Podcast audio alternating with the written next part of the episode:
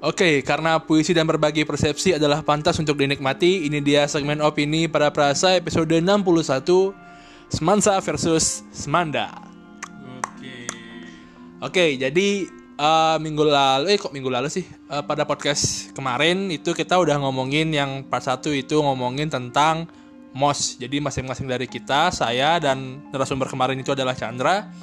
Eh, kita ngomongin masing-masing dari sekolah kita bagaimana sih MOS, masa-masa MOS ketika kita dulu waktu SMA di sekolah bagaimana MOS itu berlangsung seperti itu. Nah, jadi pada podcast kali ini masih ngomongin Semansa dan Semanda juga.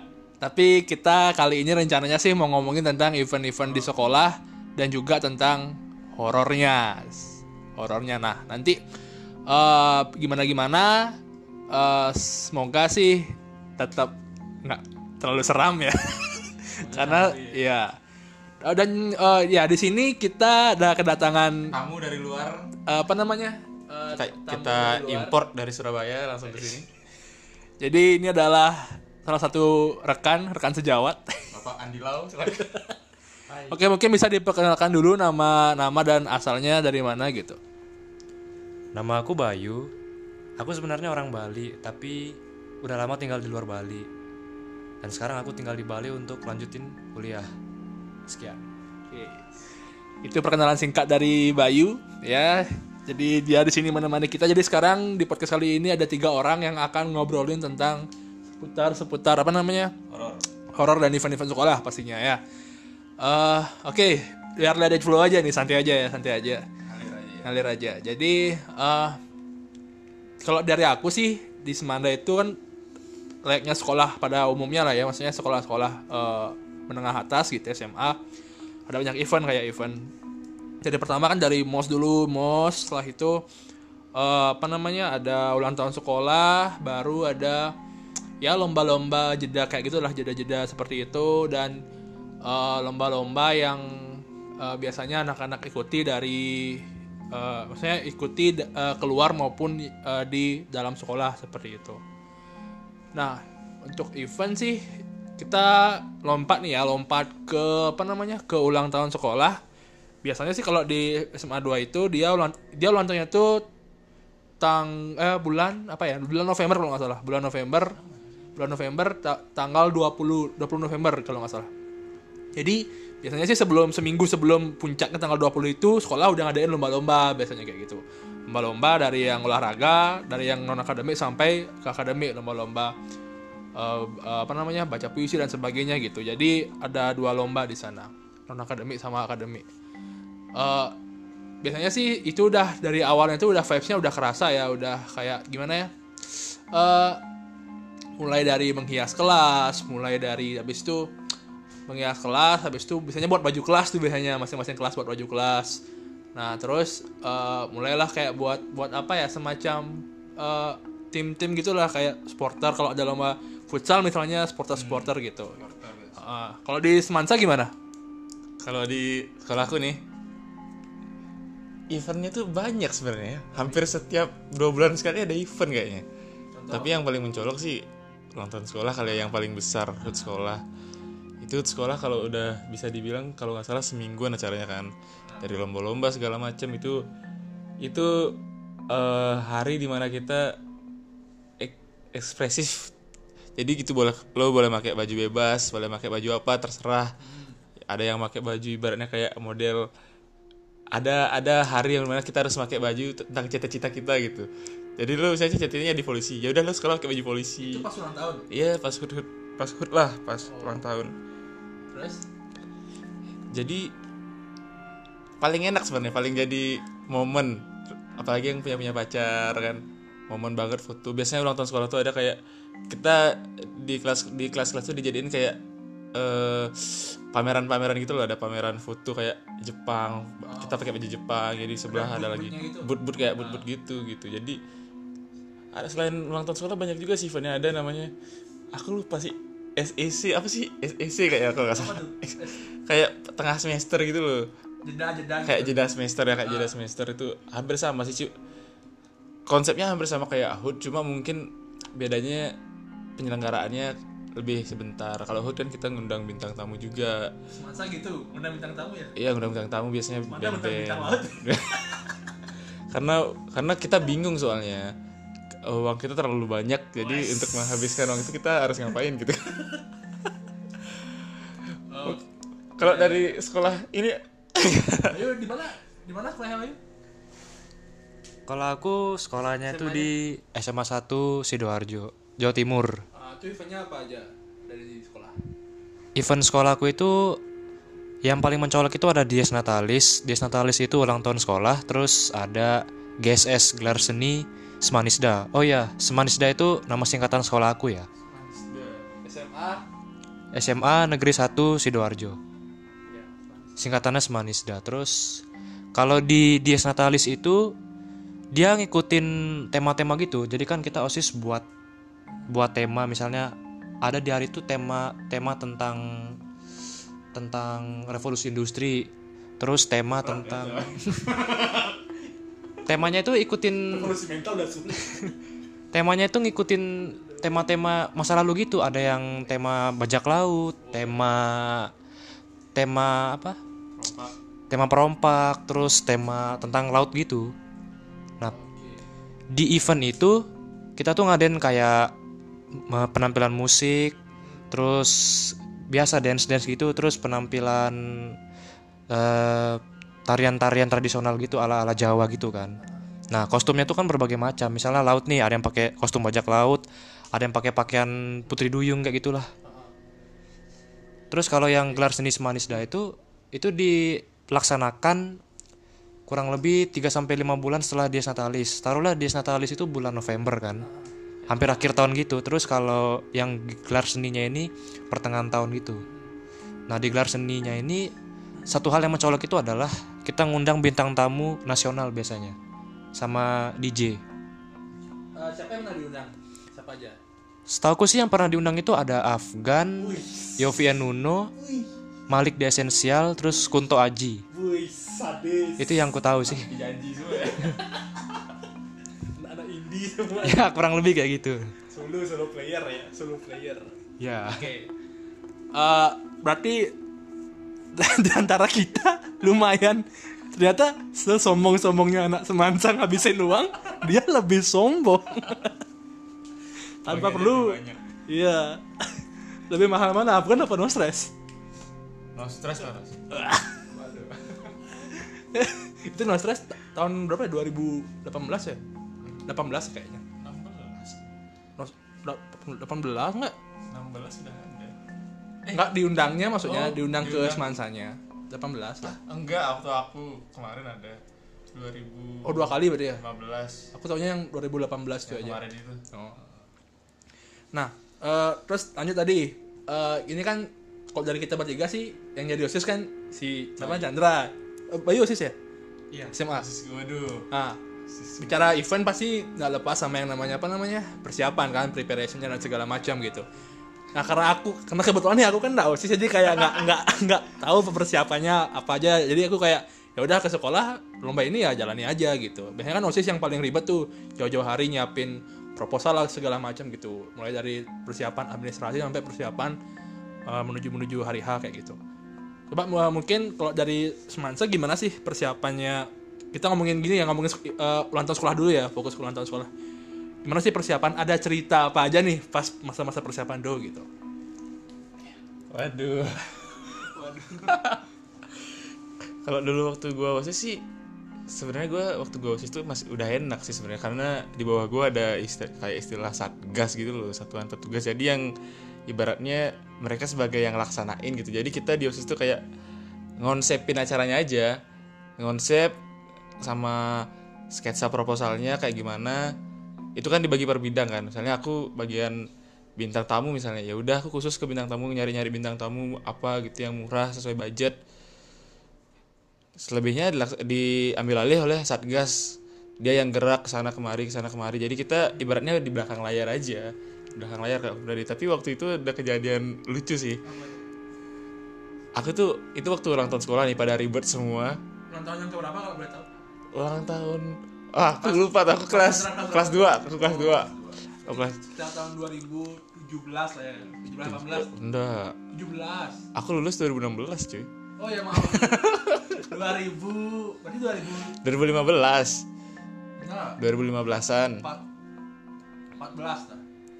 14 15 lah ya 14 15 di saat semua pada sibuk gue enak-enakan ke Batur coba. Jalan-jalan sama doi. Ya ka itu gue kabur cuy. Artinya gue pada saat itu kan gue nggak tahu ya gue ada tugas apa sih? Yang jelas tugas sudah gue lakuin kan tugas sudah maksudnya secara administrasi proposal segala macam mudah mungkin kayak ya masang-masang bendera apa gitu masang-masang kursi nyiapin kursi itu aku nggak ikut. Aku Iya iya. melarikan diri ke Batur. Bagaimana prosedur Anda melarikan diri? simple sih. Pertama kita pertama sore biasanya sore kan kumpul nih osis satgas buat buat gini. Gue ikut kumpul nih tapi pakai training kan. Pakai training pakai pakaian persiapan mau ke Batur kan training diam-diam ikut-ikut bentar cari-cari gila. lengah dikit langsung. Ada celah langsung motor. gitu sih persiapan waktu gue gak tau sih kalau Chandra Gotama gimana. Ya kalau aku sih ngela- ngelaksanain eventnya itu ya biasa-biasa aja sih. Seperti kita kan dibagikan beberapa sih kan. Si perlengkapan si acara si dekorasi dan dokumentasi terus si dana si konsumsi dan lain-lain kan? Ya udah tuh tugasnya dijalanin masing-masing aja seperti biasanya. Tapi yang paling repot itu adalah si dana sama si yang nyari-nyari sponsor gitu kan? Biasalah kan persiapannya itu dari kostum dari temanya terus susunan acaranya kayak gimana itu ya agak ribet sih gitu. Ya itu aja. Oke, berarti gimana ya karena aku nggak osis ya, jadi kayak pinjam pengalaman gitu lah di persiapan apa namanya ulang tahun. Ah, aku pramuka, aku pramuka. Nah kalau kita ngomongin pramuka itu tiap sekolah pasti ada event yang namanya persami kan, atau kemah atau apalah namanya di sekolah kalian gitu. Kalau di sekolahku persami biasanya perkemahan Sabtu Minggu gitu. Cuma eh ya nggak apa ya nggak selalu di alam terbuka lah. Kadang-kadang kita kebanyakan di sekolah emang eventnya gitu. Nah persami ini biasanya kalau di Semanda sih eh apa ya eh, sekitar bulan September atau Oktober lah gitu. Dan itu pun untuk eh, persami itu diadakan setahun sekali untuk apa istilahnya kayak mela- melantik ya melantik eh, kelas 10 yang baru loh kayak biar dia tuh sah secara di pramuka dapat apa bisa pakai kacu lah kayak gitu. Jadi kita ngadain kemah Sabtu Minggu gitu. Karena aku di pramuka? Jadi aku udah tiga kali menemui persami gitu kan tiga kali kelas 10, kelas 11 dan kelas 12 gitu. Bahkan setelah tamat pun kadang-kadang masih diundang juga sama adik kelas, adik tingkat gitu untuk datang ke sekolah. Ya, sosokan senior lah. sosokan bergaya-bergaya senior gitu lah. Eh, apa namanya? Habis itu ya eh, persiapannya banyak sih gitu dari sama juga sama apa namanya? eh, kayak urusin ulang tahun sekolah gitu. Tapi emang secara tanggung jawab dibilang santai sih iya. Tapi dia bilang beban juga iya karena apa? Karena kita mengajak banyak orang tuh kan untuk menginap di sekolah. Tanggung jawabnya tuh besar banget gitu untuk menghandle apalagi malam gitu. Ah. Malam-malam nah malam-malam itu. Nah kalau aku nih kalau ngomongin ya pengalaman mistis lah ya di, di gini apa namanya di sekolah gitu eh, cukup sering aku alamin gitu. Karena memang eh, kebetulan sekolahku adalah bisa dibilang cukup seram gitu cukup angker cukup angker gitu. Jadi eh, sedikit cerita nih. Apa namanya eh, so- aku bingung soalnya itu banyak banget jadi aku harus jelasin salah satu aja ya? Salah satu. Oke.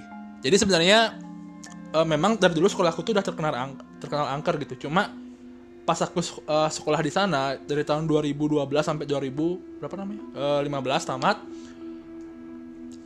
tahun pertama itu aku nggak nemu yang namanya kayak yang serem-serem tuh loh kayak mana sih yang dibilang kok nggak ada gitu. Jadi kayak sekolah-sekolah biasa aja. Nah mulai tahun kedua sekitar tahun 2013 aku pas itu kelas 2 SMA kelas 11 nah itu baru mulai mulai apa namanya? Mulai lah tuh iya. Ngeliat sih enggak cuma waktu itu kejadiannya eh aku sama teman-teman pramukaku kan anggota pramukaku waktu itu inget banget kalau nggak salah seminggu sebelum diadakannya kemah kan persami untuk yang kelas 10 nya gitu aku sama anggota pramuka aku itu eh sembahyang sembahyang ke teluk terima teluk terima kenapa teluk terima karena nama kalau di pramuka itu kan di tingkat SMA itu ada namanya ambalan. Jadi tiap sekolah itu punya nama ambalan masing-masing kan. Kalau di Semansa Soekarno Fatmawati.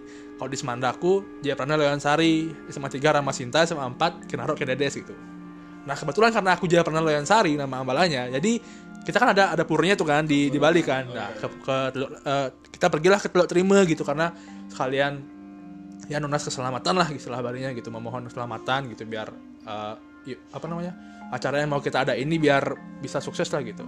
Singkat cerita kami sembahyang ke sana nggak ada apa-apa sih pulang gitu. Nah pas seminggu setelah kita dari eh, Teluk Terima itu pas banget seminggu pas banget pas seminggu itu jadi awalnya tuh gini eh, aku waktu itu waktu itu di kelas kan aku kelas 11 bahasa di kelas itu di atas agak di atas gitu di di atasnya lapangan basket lah gitu. Aku di kelas itu udah mau jam-jam pulang udah mau jam-jam pulang. Nah terus anggotaku adalah yang eh, ke kelasku gitu. Eh, kebetulan waktu itu kan masih ada guru kan di apa namanya di di kelas gitu. Permisi bu teman temanku gitu permisi bu ya kenapa? gitu nyari nata gitu. Dari mana carilah gitu. Dicari. Dibilang lah ada temanku namanya cewek. Temanku namanya cewek. Dwi namanya kan. Dwi nah Dwi itu dibilang sih gini apa namanya? Kayak kayak kesurupan gitu kayak kesurupan gitu. Di kelasnya dia sampai dia jalan kalau nggak jalan apa apa sih? Kesurupan. Iya di tap- tapi nggak kesurupan yang berontak gitu loh. Kayak dia jalan biasa gitu. Ya jalan jalan biasa aja. Ke lapangan basket. Ke lapangan basket ke tengah-tengahnya. Dan itu lagi panas-panasnya akan udah mau pulang gitu dan itu dia didampingi sama guru agamaku guru agamaku namanya Pak Pase habis itu nah itu udah di sanalah awal mula cerita Se- sehingga beberapa hari beberapa hari setelah temanku Dwi itu di lapangan basket sekolahku itu kesurupan masal tiga karena kenapa sih tiga hari berturut-turut kenapa? biasanya kan ada yang kurang kan kalau Iya iya. Eh, aku udah lupa ya. Maksudnya nggak terlalu ingat detailnya karena apa? Karena itu udah lama banget 2013. Cuma sih katanya ada salah satu faktornya itu adalah karena eh, sebuah benda dari jadi kan kita waktu pas ke Teluk Terima itu kayak nunas tirte gitu kan, nunas tirte gitu. Dan eh, kebetulan ambalanku itu kan kita punya pusaka tuh masing-masing ambalan tuh punya pusaka. Dan kebetulan pusaka ambalanku itu adalah keris keris. Nah waktu itu seminggu sebelum itu kita emang bawa kerisnya itu ke Teluk Terima gitu kita bawa keris satu.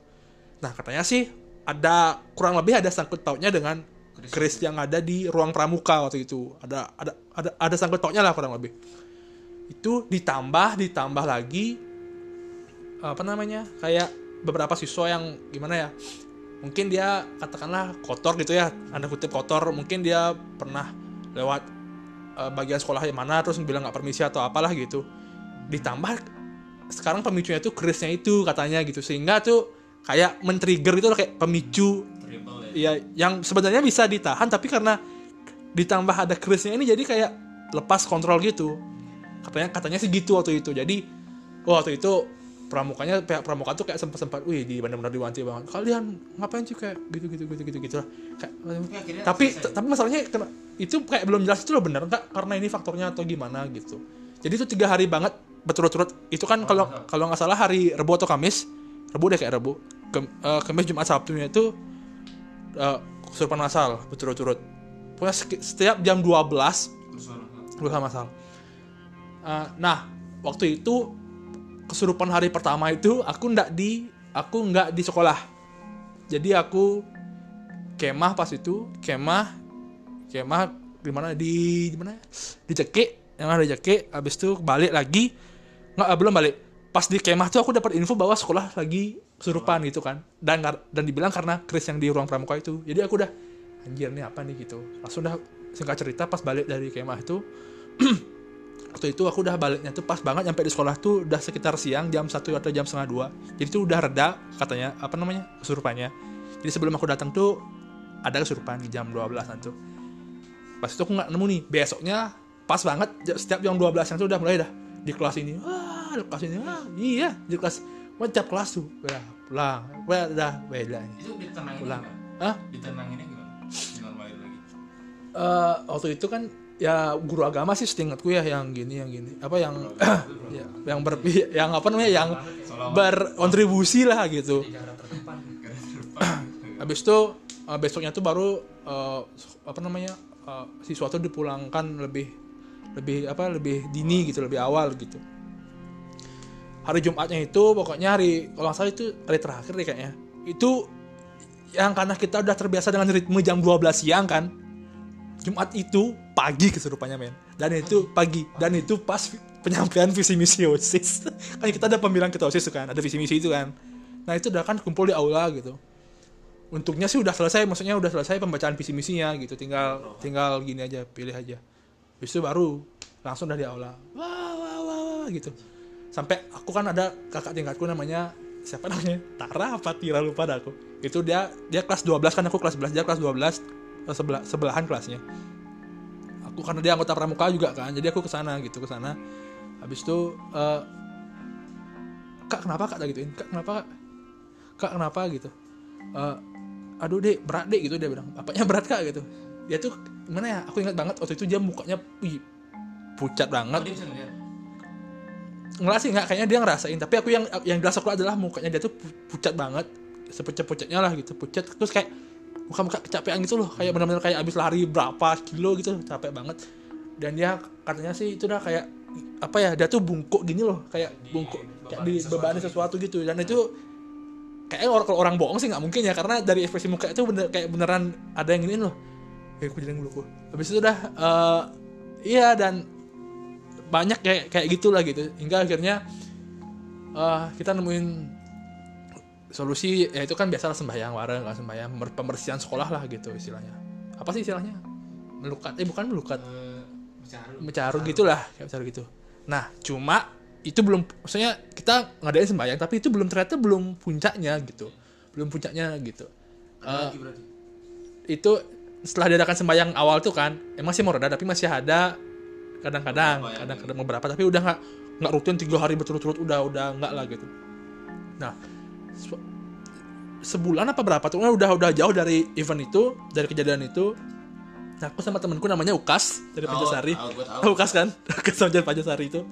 Waktu, waktu itu dia kan masih di sini nongkrong-nongkrong lah kita di rumahku gitu. Habis itu kita mau keluar nih ceritanya. Lupa aku keluar ke mana. Kan kita lewat SMA 2 kan karena dekat rumah kan. Lewat di sana. Kita lihatlah gerbang sekolah itu kebuka dan ada mobil-mobil di di apa namanya di dekat sekolah tuh loh. Kan kalau dari jalan kan kelihatan tuh eh, di parkirnya tuh gitu. Aku kepo kan nih kok ada malam-malam kok kebuka pintu sekolahnya gitu dan ada mobil yang cukup banyak empat apa lima tuh. Gitu. Besok kita lanjut lagi. Entah kenapa waktu itu benar-benar gimana ya dibilang iseng sih enggak tapi kayak ada perasaan kuat gitu loh kayak ya. Kas yuk kas ke sekolah yuk. Ujang ke sekolah dong itu rame aja di mobil sih kipu aja gitu. Jadi kayak penasaran lah ada apa sih? gitu. Akhirnya dengan rasa penasaran kita ke sekolah. Dan bener dan guru di sana ada kepala sekolah. Ada beberapa guru kan beberapa guru dua tiga orang. Dan ada juru eh, guru agamaku juga yang emang juru kan di sekolah gitu pemangku lah di sekolah. Sama eh, beliau juga mengajak beberapa temannya yang sama-sama apa namanya bukan paranormal sih kayak serem banget. Kayak kayak orang pintar lah ya orang pintar lah. Lebih lebih lokal lebih lokal. Orang pintar. Itu dan aku tanya kan "Oh, pak ini ada apa pak di sekolah? Gitu. Aku sama Ukas malam-malam ke sekolah. Kayak kurang kerjaan nih kita dua orang manusia sederhana ke sekolah. Pak ngapain nih pak? Gitu. Eh, waktu itu sih kita dibilang ya jangan sampai apa ya jangan bilang-bilang ke temen lah gitu. Intinya sih waktu itu dibilang sih jadi kita kayak apa ya nanam benda gitu loh nanam benda entah apa bendanya dalam pokoknya aku udah dapetnya tuh udah kayak dibungkus kain putih gitu loh. Gitu nah nanti bendanya ini tuh ditanam di beberapa titik di eh, sekolah gitu. Nah waktu itu aku tugasnya bawa center jadi aku karena di karena udah ditauin kan maksudnya aku udah juga akrab dengan para sekolahnya juga akrab dengan guru agamanya. Jadi oh ya udahlah nggak apa-apa ikut aja gitu. Tapi itu udah jangan bilang-bilang ke temennya gitu. Oh iya pak gitu dan itu rasa itu sampai tamat aku bawa dari kelas. Sampai sekarang bakal ketahuan. ya sekarang ketahuan. Bodoh amat udah sekian lama. Udah hilang juga kayaknya. Apa namanya? Eh, jadi aku bawa center habis itu ada teman-teman kukas bawa cangkul sama penjaga sekolahnya. Jadi kita tuh udah apa namanya? Eh, numbek. di beberapa titik di sekolah. Kalau nggak salah ada 5 sampai enam titik tuh. Dan titik terakhir itu ada di depan kelasku. Jadi di sana ditaruh apa namanya kayaknya itu gitu di depan kelasku. Eh, ya singkat cerita sejak saat itu udah mulai reda. Ya aman sih. Sejak penanaman benda itu entah benda apa itu aku lupa namanya. Aku lupa juga gininya intinya ada beberapa titik di sekolah yang ditanamin itu gitu. Netralisir berarti. iya kurang lebih kayaknya gitu deh. Kalau di Semansa gimana? Net dari tadi akunya aja yang nyerocos. Semansa gimana? Sih, kalau yang aku alamin pribadi nih ya, kalau ini sorry to say gue ngomongin ini, sorry maaf nih ya gue ngomongin ini karena ini salah gue nggak sebut gue nggak sebut nama. Ini salah satu teman gue nih, teman angkatan malah kan. biasanya kalau ada orang yang ngomongin teman ini dia tapi temennya dibilang Enggak ini salah satu teman gue yang lompat dari lantai kelas Oh, iya. lantai tiga. Kok bisa loh? itu yang Iya. 2015 Iya itu sangat nama gue. Itu itu itu pengalaman ini gue banget yang artinya yang horor banget. viral kan sampai viral sampai masuk berita kan artinya ya ini sebagai sebagai ini aja sih ya sharing aja intermezzo aja. Jadi awalnya tuh eh, banyak versi kan ceritanya kenapa dia sampai bisa lompat kan. Per- awalnya tuh katanya dia masuk kelas jam 6 pagi terus dia nulis surat. Di, di suratnya itu kayak nulis intinya dia minta maaf lah sama pacarnya gitu kan. Terus dia lompat. Nah pas lompat itu gue lagi lat- pemanasan gerak jalan ta. Gue lagi pemanasan tiba-tiba rame kan. Oh iya ada yang tanda kutip ada yang pada teriak kan ada yang bunuh diri gitu. Dan lucunya tuh ya mayatnya ada di bawah nih. Mayatnya tuh maaf nih dalam apa maaf mayatnya tuh gimana posisi maksudnya? Terbang gitu kayak selepak. darah ada ah berdarah semuanya. Dan ada kan dulu ada kayak tukang nyapu gitu kan. Ya nge- ngesan saya lewat gitu ngesan saya gitu. Dikira apa misalnya kayak nggak tahu mungkin ngesan saya dulu. Anjing ini prank apa apa ngesan saya kan lewat terus kita pada bantuin kan langsung bawa set set. Taunya ya umur mungkin ya kan nggak tahu nggak ada yang tahu gitu set. Nah pasca itu ta keesokan harinya temen gue yang indigo kan ada beberapa temen gue yang indigo ngelihat ih dia masih di situ tahu melakukan ke- aktivitas biasa. Itu selang berapa hari setelah? Besoknya yang indigo tuh bilang? Iya, dia kan mau pulang nih. Itu itu dia masih piket dia loh dari Lantai tiga. lantai tiga kelasnya. kelas kelas Enggak, depannya ke- kelasnya ke depan gue, depan kelas gue. mana? Eh, dia duduk di pojok di pojok. Dia teman gue bilang kan yang itu, itu dia lagi piket tuh, lagi piket, lagi belajar, lagi kayak biasa dia dia biasa aja gitu. Udah tiga hari kan kayak gitu. Tanyain lah. Kayak ibaratnya dibersihin lah, dicaruin lah kan. Kan bekas itu kan, dicaruin. ternyata Ternyata katanya ini ini menurut apa nih? Ini pengakuan ini menurut pengakuan anak metunang kalau bisa balik kan? Metunan. metunan dia Di- tuh kayak gimana? Metunan tuh kayak ibaratnya arwahnya dipanggil gitu loh biar dia yang ngomong sendiri dia kenapa sebenarnya?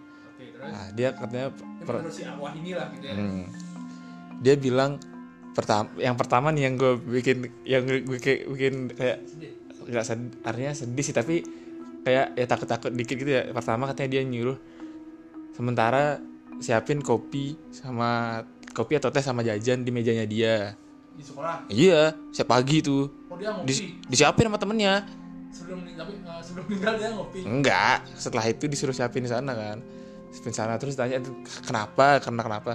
Katanya karena di suratnya ada minta maaf sama pacar, mungkin dikiranya karena ada putus cinta gitu kan. Ternyata enggak. ternyata Ternyata dia dia udah tahu bakal ada kejadian kayak gitu. kok kok udah tahu Dia udah tahu kan.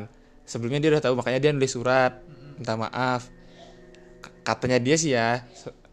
Ini cuma intermezzo aja. Datang kereta, kereta dijemput dia kereta tuh di mana kereta nggak kelihatan kita mata batin kita nggak kelihatan Ntar lu temanmu ini dia tuh yang yang meninggal ini indigo juga enggak orang biasa tapi Nah, dia tahu dije- dijemput dia dijemput dia katanya dia ngeliat sendiri dijemput terus dia naik keretanya itu gitu. Dia nggak mungkin nggak sadar dia jatuh tapi harganya mungkin jatuh ya tapi dia naik kereta. Naik kereta gitu. Ya naik ke keretanya tuh pergi ke diajak ke dia sekarang tuh lagi ibaratnya dia bilang udah jangan nangisin saya saya nggak apa-apa saya lagi ngayah di Purbatur katanya.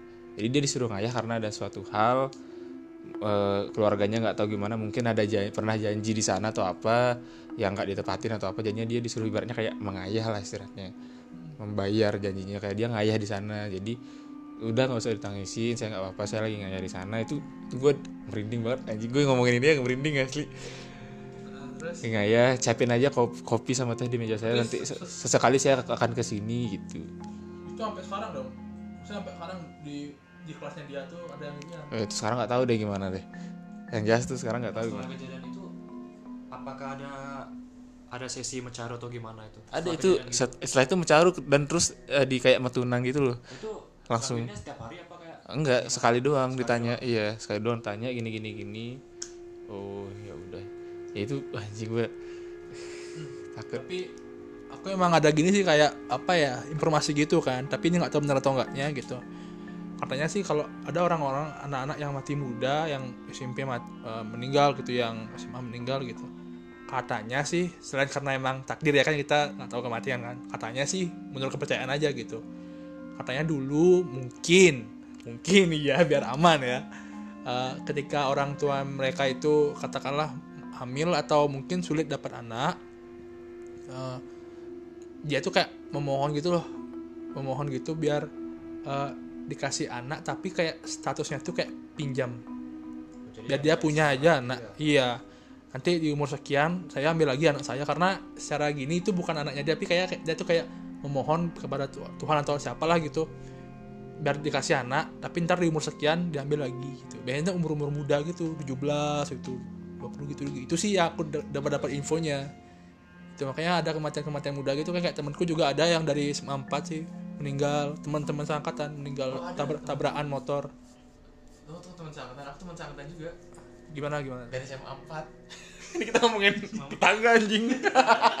ini horornya di mana ya kita tanpa mau coba mengusik luka masa lalu ya. Maksudnya kita Hmm, ambil pelajaran intermezzo dari, aja. dari sana. Gitu.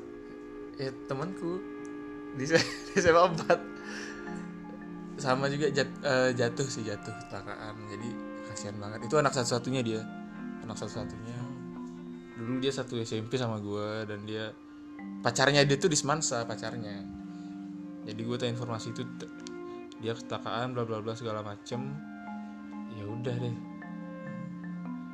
Posisinya pada saat itu gua lagi minjem drumnya dia semua di kamar gua. Oke. Setelah gue denger kejadian itu langsung gue balikin ke rumahnya. Gue takut dicari kan?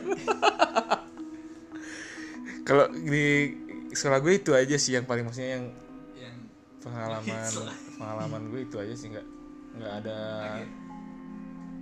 nggak ada nggak ada ini sih paling ya kalau misalnya kerawan-kerawan ada tapi gue nggak terlalu ini banget sih karena posisinya kan rame juga gitu jadi santai. Kalau dari saudara kita di sidoarjo bagaimana? Ada nggak? Kalau dari aku sendiri sih biasa-biasa aja ya, nggak ada pengalaman horor sih. Atau mungkin karena akunya yang nggak terlalu ngikut-ngikut kayak gitu-gitu atau gimana ya. Entahlah pokoknya nggak ada cerita horor gitu. Kalau di SMA aku. temennya mungkin temennya pernah cerita ke Bayu Oh iya temen. Ini temen tapi beda sekolah nggak apa-apa ya. apa Jadi jadi dia itu ikut event pramuka juga sama kayak Nata. Tapi dia sekolah di Jakarta. oke Entah spesifik. temennya kenal di mana kan beda sekolah. temen Temen i- SMP. sekarang temen ya temen kuliah sih sebenarnya tapi dia ceritain Oh, masa masa SMA -nya. masa SMA-nya gitu oke nah kalau nggak salah dia di sekolah di Jakarta nggak tahu nama sekolahnya apa. Yang jelas waktu itu kan ada event pramuka. Jam 12 malam itu dia sama teman-teman tuh kayak jaga malam istilahnya kayak shift malam gitu kan. Nah mereka mereka tuh nginep di suatu tempat pokoknya tempatnya itu di sekelilingnya tuh kayak hutan-hutan gitu kan. Nah ada satu tempat yang mereka itu harus ngidupin bel bel alarm yang mana alarm itu akan bunyi saat subuh nanti nah temanku ini inisialnya ini J lah inisialnya J J Nah si J ini dia dia kebagian shift malam. Dia keluar di di tempat tidur. Istilahnya apa itu? Kalau di pramuka itu kayak gubuk nggak sih? tenda Tenda ya kayak tenda gitu kan? tenda biru ya Tenda biru kayak gitulah. Dia keluar malam-malam sendiri tuh. Nah pas dia mau masuk ke towernya itu, di situ dia ngelihat kayak sesosok putih gitu kan. Tapi membelakangi dia gitu loh. malu mungkin? Eh? malu nggak tahu lagi katanya dia ngomong dia ngeliat sosok putih tapi sosok putihnya itu kayak kakek-kakek tua gitu tapi putih semua putih semua nah di situ dia diem dia dia dia bilang kayak gue nggak tahu ngomong apa lagi nih udah gue seketika tuh gue diem di situ. Dia diem. Terus dia balik lagi gitu ke tenda tuh. Balik lagi. Dia dia berusaha untuk bangunin temennya. Tapi temennya tidur gitu. Dia bangunin tapi nggak ada yang bangun tuh. Terus dalam hati dia berkata gini. Ah daripada gue nggak hidupin towernya gue lebih takut kena marah. Kena marah pembina daripada ngeliat ngeliat penampakan itu kan. Terus dia datang lagi ke tower itu. Masih ada tuh. Katanya sumpah serem banget tuh putih kan terus nggak bergerak sama sekali gitu. Diam aja. Diem aja gitu. Terus dalam hati dia tuh kayak aduh gue mending hidupin belnya aja lah daripada gue kena marah pembina gitu. Biar apa? bel alarmnya itu. Untuk? Untuk bangunin semuanya. nanti kan. Kalau nggak hidup kan it- itu jam berapa? jam 12 malam. Harusnya tidur, harusnya tidur kan. harusnya tidur. Tapi karena dia takut nah itu Takut. soalnya soalnya kebagian kebagiannya dia kan kebagiannya dia kan ngidupin belnya itu kan. Nah udah dia dengan dengan berkukuh hati dia lari lah itu naik tangga tuh ngelewatin sosok putih itu. Dia lari nah udah lolos itu. Terus pas dia balik turun ke bawah udah nggak ada sosok putihnya. Kayak gitu. Entahlah itu sosok putih apa ya? yang jelas dia bilang kayak kakek-kakek tua gitu. Tapi diem aja gitu loh. Nggak ngejar ngejar enggak nerekam enggak gitu. Kayaknya gitu sih. Soalnya soalnya aku nggak tahu spesifiknya gimana dia cuma nyeritain doang gitu. Tapi Dan- sendiri pernah ngalamin hal ini gak di mana gitu? Kalau aku sih ngalaminnya bukan di sekolah jujur aja ini. Nggak apa-apa nih ya bukan sekolah ya. Jadi ini di rumahku sendiri di sur rumahku sendiri di sidoarjo lebih tepatnya di Waru waktu itu singkat cerita aja waktu itu aku pernah pulang dari ekskul. Kan capek banget tuh jam 4 sore. Jam 4 sore aku ganti baju aku tidur di lantai 2 yang mana lantai 2 itu memang ruangannya kosong tuh. Karena aku ibu aku sama aku sendiri itu tidur di bawah semua. Nah sesekali aku tidur di atas tuh. Kalau dalam bahasa Balinya aku tidur sore itu sampai maghrib itu sandikala ya? Sandikala kan. Nah di situ aku mimpi mimpi? Eh tidur tidur enak nih. Tiba-tiba aku kaget ada sosok hitam. Itu mulutnya besar banget. Itu hampir makan aku. Pas lagi tidur pas lagi mimpi itu. Itu mimpi. mimpi? Sosok mungkin bisa dijelaskan lagi sosok hitam Gimana hitam? seperti apa? Dan Nggak- berbentuk manusia. nggak jelas banget, soalnya Hitam, gumpalan hitam terus giginya giginya banyak gitu kayak kayak laba-laba yang besar banget loh. Nggak ya dia kayak mau makan nyata banget sih itu kayak mau makan aku. Wah gitu kan. Iya. terus aku langsung bangun langsung lompat dari kasur. Dan aku lihat ih nggak ada apa-apa tuh. Aku keringet dingin gitu. Tiba-tiba. Nggak turun ke bawah lihat lagi kayak ngintip dari balik pintu kamar itu ada apa sih gitu kan. Kok nyata banget itu. Eh tau taunya mimpi kan. Tapi kok mimpinya menakutkan gitu loh pendem aja sih. Gimana lagi ya? Terus ada ada juga beberapa kisah dari rumahku itu sih. Memang rumahku itu angker. Angker ya angker sih. Emang karena suka angker apa gimana? Ya bukan suka angker juga karena mungkin tuh rumah udah lama ditinggalin ya. Jadi pas di depan itu ada pohon mangga udah kan. lama ditinggalkan mungkin ya? Sebelum aku ke situ. Di depan rumah tuh ada pohon mangga. Dan di belakang rumahnya itu di lantai dua. Entahlah itu punya pemiliknya kali nggak dikasih. Terus di belakangnya tuh ada gudang kosong yang dikunci. Gelap itu. Pernah sih dibuka tapi malam-malam. Malam-malam tuh selalu aja ada suara aneh gitu kayak kursi ger- kursi gerak zret gitu terus tiba-tiba ada kayak barang jatuh gitu kayak. Ibaratnya kayak ada sesuatu yang jatuh entah itu karena apa tapi aneh aja masa tiap malam kan?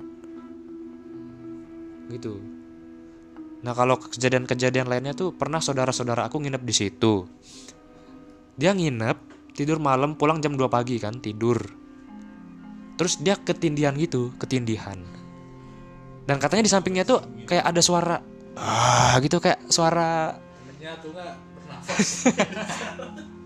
Suara kayak suara semacam suara-suara gitu. Suara serigala ya? Enggak ya bukan. Dia bilang mau nyata gitu sih. Dia di- dia ti- kayak ketindihan gitu terus di sampingnya ada suara gitu. Nggak tahu suara apa sih. Nyata gitu ya. Nah kayak nyata gitu. Itu jam 2 pagi kalau nggak salah. Jam 2 jam 3 gitu. Entahlah gitu. Kebanyakan kalau orang-orang nginep di rumahku itu terutama saudara-saudara keluarga selalu aja kejadian aneh gitu. Kayak kamar mandi kayak ada orang mandi terus dibuka kosong gitu. Serius. serius itu kayak teman-teman kakakku dia kalau ditinggal sendiri tiba-tiba kayak ada suara langkah kaki gitu padahal nggak ada orang gitu kayak gitu. Aneh gitu. loh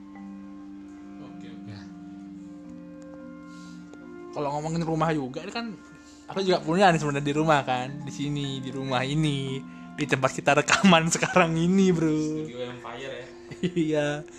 Itu itu waktu itu, eh, itu, itu tahun 2018 akhir Desember dah itu. Singkat kata pokoknya waktu itu eh, rumah lagi rame banget di depan jadi aku ngajak teman-teman seangkatan kuliahku yang cowok-cowok nggak nggak semua sih karena semua kan mustahil sekali ya 400an beberapa lah waktu itu kita buat apa namanya? Nggak tugas. Buat spanduk gitu loh spanduk untuk acara olahraga di jurusanku. Namanya ESP acaranya gitu. Jadi di, di, di rumahku ini mereka buat spanduk untuk untuk angkatanku gitu pakai tadi supporternya gitu. Nah waktu itu semuanya kan di depan tuh di depan di halaman rumah gitu. Nah di kamarku ini kebetulan aku lagi kerja kelompok juga sama teman-temanku yang lain kan ada cowok cewek gitu kerja kelompok di sini. Nah waktu itu aku sama jadi waktu itu kalau nggak salah ada cowoknya ada dua aku sama temanku eh, cewek tiga gitu. Nah aku sama temanku yang cowok ini kita di luar kan karena udah ada banyak orang di luar. Kayak kan kita nggak enak tuh apa namanya di sini kan kerja kelompok gitu. Jadi aku juga sebagai tuan rumah terus di depan kan maksudnya dengan meladeni teman-teman cowokku lah yang satu angkatan gitu. Sisa tiga cewek lah di sini gitu. Dengan waktu itu statusnya adalah di kamar ini. di kamar ini dan laptopku kalau nggak salah itu dia eh, kayak gini dah eh, apa namanya standby gini di aku taruh di lantai gitu kan karena masih tugas gitu jadi aku tinggal aja gitu. Nah singkat kata singkat kata eh, cewek-cewek ini pulang kan tapi di pulangnya itu kayak nggak serentak itu loh kayak yang yang satu dulu pulang duluan eh aku duluan ya gitu. Oh ya gitu. Terus eh, terus yang pertama duluan lagi dua ini dia barengan pulangnya gitu barengan pulangnya. Nah itu sore sekitar jam 6 sore kan. Nah dari jam 6 sore itu sampai jam berapa itu ya? Jam 11 sampai jam berapa? Itu kita di luar terus tuh aku di luar terus tuh buat apa namanya? Buat spanduk itu kan. Nggak jadi nggak nggak masuk ke kamar aku. Dari rentan jam sekian sampai jam sekian gitu. Nggak masuk kamar. Akhirnya udah selesai buat spanduk kan udah pulang semuanya. Aku mandi itu pun mandi nggak ke kamar. Langsung ambil handuk gitu loh. Menanduk langsung ke kamar mandi kan. Nah dari kamar mandi itu baru ke kamar. Nah sampai di kamar laptopku tuh nggak ada kan. Udah nggak ada gitu di tempatnya gitu aku aku bingung kan. Aku bingung kan. Eh waktu itu aku mikirnya eh mungkin adikku yang make gitu loh yang iseng-iseng. Mungkin dia nonton film gitu kan. Dan juga udah malam dan juga udah tidur kan. Jadi aku eh udah paling adikku yang ambil besok aja deh tanya gitu. Tidur lah kan tidur. Besoknya tak tanya lah gitu. Eh, dapat laptopnya itu enggak gitu. Eh, tanya lagi adikku lagi satu kan. Eh, dapat laptop? Enggak gitu. "Eh, beneran nih? Enggak gitu. Gimana laptopnya ya? Nah itu udah mulai panik tuh kan. Karena gimana ya? Tapi aku masih curiga ke adikku soalnya adikku sering bohong kan. Tapi kayak misal, misal mereka bener gitu kan jadi kayak eh, gimana nih? gitu. Soalnya seingatku aku naruhnya di lantai di kamarku gitu loh. Di lantai nggak ada. Ya aku udah pokoknya udah cari di seluruh lantai satu ini sama, sama di atas lantai dua nggak ada juga gitu. Sampai semua seluk beluk udah aku cari gitu hingga pada akhirnya eh apa ya udah udah udah nyerah gitu kan. Bilanglah ke orang tua gitu bilang dah di mana naruh kemarin gitu di dimarah-marah lah kan galak-galakin gitu. Dibilang aku mungkin lupa naruh atau atau gimana. Takutnya takutnya kan ya nah di sana tuh udah udah mulai apa namanya datang pikiran negatif nih. Kayaknya ada yang nyuri gitu kan. Soalnya se- semalam kemarin tuh kalau kita dari segi detektif nih ya tersangka kan ada dua aja. Kalau nggak teman-temanku yang di kamarku itu yang apa namanya yang yang kerja kelompok itu mungkin teman-temanku yang di luar mungkin ketika aku lalai mereka kayak nyelip itu bisa aja gitu kan. Tapi rasanya nggak nggak mungkin gitu kan nanti kan? Kayak teman-teman kuliah teman sekelas udah tau lah orang-orangnya kayak gimana gitu kan. Ini kayak "Ah, mungkin lah kayak temanku ngambil gitu loh. Atau juga mending mending kayak orang asing gitu. Saya temen ini kan bakal ketemu juga di kuliah. Ya kalau kalau mereka punya rasa malu sih kalau emang beneran mereka ngambil kan gitu. Eh, jadinya waktu itu udah itu hari apa ya lupa. Jumat kalau nggak salah Jumat nah malam itu udah sehari nggak ketemu tuh. Itu sehari nggak ketemu. Benar-benar nggak ketemu lah udah udah habis lah tempatnya ini gitu. Sampai akhirnya karena saran orang tua aku kan jadi aku dengan apa ya kayak berat hati tuh menanyakan ke teman-temanku gitu loh. Eh, eh, dapat ambil laptop nggak? Gitu. Jadi kayak aku mencurigai temanku gitu. Padahal aku udah nggak enak kali kan. Udah nggak enak kali kayaknya nggak mungkin lah. Itu teman-temanku bilang kita nggak dapat gitu deh. Oh ya udah nggak apa-apa gitu Eh, jadinya waktu itu nggak ketemu kan sampai lagi malamnya itu lagi kita buat spanduk kan. Hari kedua buat spanduk nih orang dua malam berturut-turut lah buat spanduk gitu. Aku ceritalah ceritalah ke apa namanya ke ke apa namanya ke teman-temanku yang sangkatan di gini tuh. Ci dapat Jim eh, Ciman oleh laptop laptop pakai gitu. Cuman mana gitu. Ya kalaupun mereka kalaupun misalnya ada, yang nyuri nggak mungkin ngaku juga kan kalau misalnya ada kan berarti ya kan ya udah aku percaya percaya aja kan jadinya kita nggak bisa buktiin gitu akhirnya malamnya itu malam keduanya itu pasalah apa namanya eh nggak apa sih namanya kayak bertanya lah ke orang pinter gitu. Eh, ke ke- ya karena secara secara sains udah nggak udah tidak masuk akal gitu karena di, aku udah jelas-jelas naruhnya di di rantai soalnya kan terus hilang gitu nggak ada. Ah, aku nanya ke pamanku kan karena kebetulan, kebetulan juga orang orang pinter gitu jadi nah katanya sih menurut penerawangan pamanku itu eh, waktu saat kejadian laptopku itu malam itu katanya sih kamarku ini tuh apa ya bilang ya tanda kutip kotor lah gitu. Dalam arti kamarku ini katanya sih nggak boleh dikotorin secara apa namanya spiritual gitu loh. Bukan kotor-kotor kamu main lumpur sini gitu bukan gitu. Tapi kayak mungkin kalau cewek mens nggak boleh gitu mens.